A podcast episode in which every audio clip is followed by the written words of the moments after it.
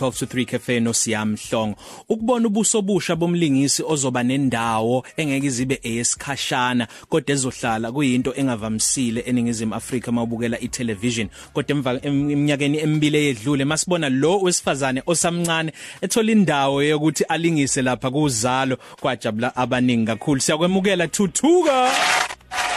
Sanibonani. Kunjani? Ngiyaphila njani nomngane wami? Siyaphila usimpinshisile mana ukuyiset vele manje. Ngisesethini njengamanje luckily angishuthi but I am present on set. Yes. Uloku ufike ngobanje? Ay bengekho time ye 12. Ka12. Kwesinye isikhathi ngeke ngizwe ukuthi ngeke nifike ekseni ngo 6 7 uthola ukuthi uzozushuthe ngazo lezi ikhathi ngo 2 3 ntambama. Hey khona umdlalo esiwudlalayo so hurry up and wait.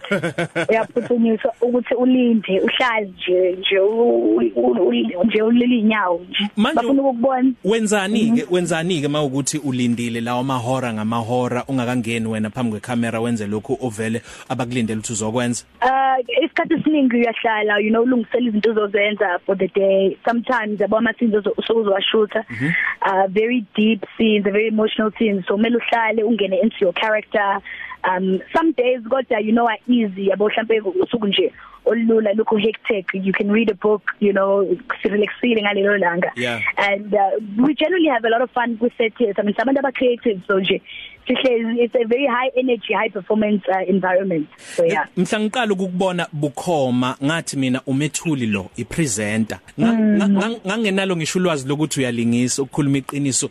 Kwamangithola ukuthi umlingisi.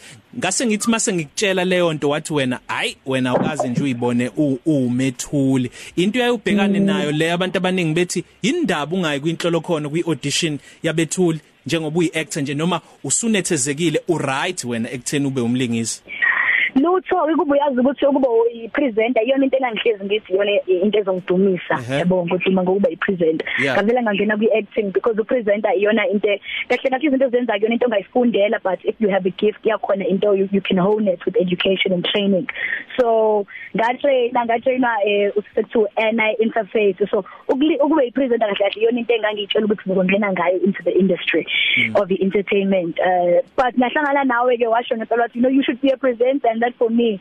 Yayiconfirm le nto ukuthi yabo mhlawumbe kusengenzeka yes ngiyalingisa but mhlawumbe isakhona indawo yokuthi ngipintshe lapha nalapho ngigcine sengiyithole ngiyipresent ngenye ilanga yeah awukungitshele la uqeqeshwe khona Winbro Theatres nase Hillbro Theatre. Makukhulunywa ngalawo ma theatre kukhulunywa ngeshashalazi. Iziphi nje izinto ezikufikelayo ngathi wazifunda ezakuhlaba umxhelo ngeke uzuphinde uyikhohle? Hawe ma ukuya Winbro Theatre. La lezo indawo lezo places where I grew up in Johannesburg and kwakunama holiday programs yeah. but kwakusijabulisa kakhulu thina because kwakusinikeza access esisingenayo you know ukuthi sikwazi ukungage nabantu that could train us and at a basic level futhi not ukuthi sasifunda into etheni yabo but sasikwazi nje ukuthi uproject emokhuluma izinto sesenze ukuthi zibe sibe confident on stage njengoba sesiqala kwasesiqala nje experience ukuthi itheater indawo enjani nokuba stage kuyindawo enjani yabo um so kwakumnandi kakhulu and I would think ukuthi ilana kwaqala khona uthando lokuthi yazi I think ngingaba iperformer ungiyibona ngiperformer eh perhaps not ukuthi ngingaphila ngawo ngizondle ngawo nomndeni wami but into engienjoy I think at that age so ungabukeli ukuthi mhlawumbe nenze imali ngayo. So kubuka nje ukuthi into engithanda ukuyenza. Yabo so yeah I think uthando le performance nese stage na?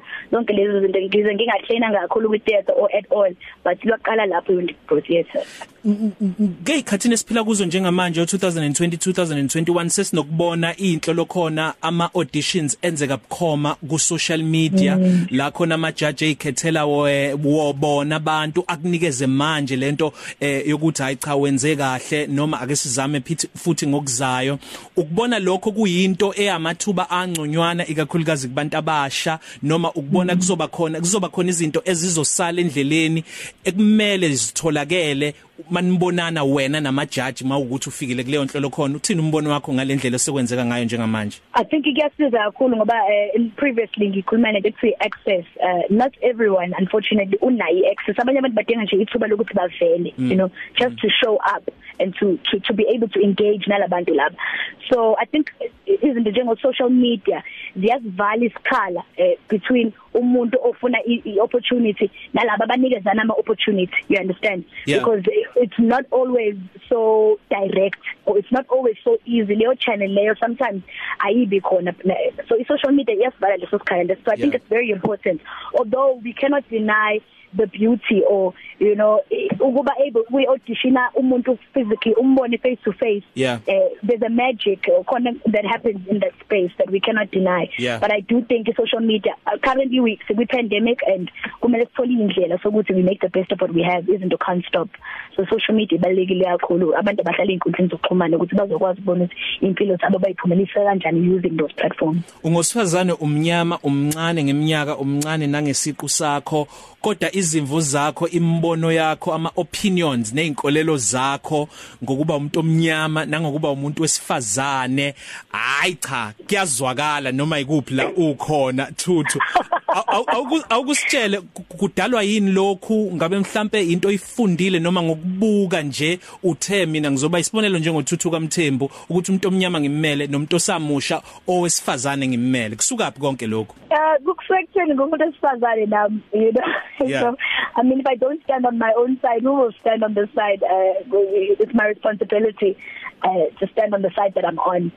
As umuntu omnyama as umuntu osifazane as a young person also uh, to stand up for what I know personally. Mm. so I think I think that's where it's rooted ngempela ngempela. We have the responsibility to stand by the people that we are and stand by the people that come after us you know? Ngifuna ukuyazi ngifuna ngifuna ukuyazi eqhamuka kuwena oyibonayo usuku nosuku eh iviki neviki ingcindezi yomuntu omnyama wesifazane eningizimu Afrika othi wena ngizoyilwela mina lento ukuthi iguquke. I think I would definitely say more opportunities for females amathuba uh, yeah. amathuba. I think abantu baba sidelined kakhulu. Uh, and there's just many levels from being female to being young. Also that's something that I feel very strongly about. Njengomuntu omusha la in South Africa which a lot of the times uh, it's sidelined and we're not being considered. Yeah. so I think for me personally I think it's khona into engithanda ukuyilo only engifisa ukuyilo is that of abantu abasha nabantu besifazane in the area of opportunity um in the area of being in spaces with ama decision makers eh sokwazi contribute nathi so that because baningi abantu abasikhulumelayo but they are not us they are not young they are not female they are not black. So i want to be in a position where i can speak and empower my kind of people. Yeah yeah. Bengibheka la ingoma engazi ukuthi uyayithanda yikho kwi playlist engithulazo lazikayo wani engithulazo ngithulazo lazikayo wani ngifuna ngifuna ukuvezela umlaleli isithombe sikathuthuka uma engekho phambi kwecamera uma engekaza interview usiyamhlongo ukukhozi FM eyiphilela nje nabangani bakhe kusuka la kiwa lapha yana thuthu thuthuko njani Bekuthiwa khona umuntu owazi isithuthuko thuthuko njani wena? No but shame ngikhulela nkosi yami ngithanda ukuyihlekela ngithanda ukuhlala nabantu abanomoya umoya right yabo umoya ojabulisanayo umoya o o intimidating or thusanayo yeah. So yeah. Ukujabula nje. Yeah ngiyajabulela nje ngithanda ukujabulela ukujabula nje. Ngiyazi ukuthi ngiyazi ukuthi uzongena khona manje ngesize sikwazi kuba nengxenye esibili la sixoxa nawe khona. Kodwa manje ngifuna ukubuza ukuthi nansi role nayo kuzala abantu bayakubuka hostela ukhona. Usifiselani nje ngoba ngiyazi ukuthi uke wafunda i degree yakho in motion picture eh ibheke ibheke phi yonke lento kuyikusasa lakho ekulingiseni noma kwezikaqedisa isizungu Mm. Yazi ukuyithola njengomlingisi ibe into blessing ebi in disguise of some sort ngoba again intshengisile it put me right in the space of where I want to be you know or where I thought I wanted to be as a writer and as a director. Mm -hmm. of which yona into engisafuna ukuyenza leyo but ukuba umlingisi ingifake in the center and ngibe ne opportunity yokuthi ngifundela ukuba behind the camera but umsebenzi engiwenza uphambi kwecamera. So it's, it's spectrum it's the whole thing that I get to experience for myself. Um so that's what I want to do going forward. Ngifisa uh, ukuzenzela my own films my own television because into engifundele leyo ngiyathanda kakhulu ukubhala eh nokudirect and ukwazi ukuba iactor kanje ukuthi konke lokho kuyahlangana you know yeah. uh, because at the end of the day umlingisi uactor into ebhalwe i-writer yeah. uh, message it's performance directed by director you yeah. know yeah. so yeah going and it's all in the same space so that's something that I want to look into creating my own television and film content mbuzo wami wokugcina kuhluke bahluke kangakanani uthuthuka nononka nokuthi nokuthi khona yini into uthuthuka ayifunda kunonka mm Hey, ukhona kusawuthi nonkabuya domoroze kakhulu. Yeah. But I akhona ama lessons and I'm very sensitive to in situation yakhe, yabo. Yeah. Unfortunately impilo ephilayo there's something that umuntu can take from that. There's something that someone can relate from. Uh, so I'm not too judgmental of the things she goes through because uh, I've been experienced my own things myself. But umuntu onekhanda eqinile she's very strong you know and Yeah. she's very confident. And akajiki kalula umethi uyayifuna into uyayifuna and she knows what she needs to do to apply herself in that context. And i think ngizothuthuka ngomuntu onjalo as well. At the end of inkani the day inkani? yeah. Ngizonda yeah. Yeah. But yeah yeah definitely. Sibonge kakhulu thuthuka sengathi ungaba nosuku oluhle la niyoqopha khona le episode eniqopha namhlanje. Ama socials akho ku Twitter no Instagram kulabo bafisa ukuthi bakulandele. Well done no 581 abantu abakulandela ku Instagram 581 people who support my journey i thank you very much yeah Eh, bonke labantu 581000 abangisupport-ayo. u half a Yebo, million ukuthi- u half a million loyo wabantu Hey Nkosi yami siyancenga siyangakhona singakhona kwimillion. Ukuzama. Eh, but siyabonga siyabonga for those who are present who've been present from the very beginning. Eh abantu that have watched eh, ukukhula kwami nokuthuthuka kwami as I go forth. Yeah. Uh, ku Instagram ngokuthuthuka.m_ ku Twitter ngiyumthembu thuthuka. Yeah Eh I know there's another account but that, those are the only accounts you can find me on ka social media. Abantu bangadideli please. yeah Um yeah, but thank you very much ngiyabonga kakhulu siya for the interview. Ngiyabonga naba- nakubalaleli everybody is taking their time to listen to me.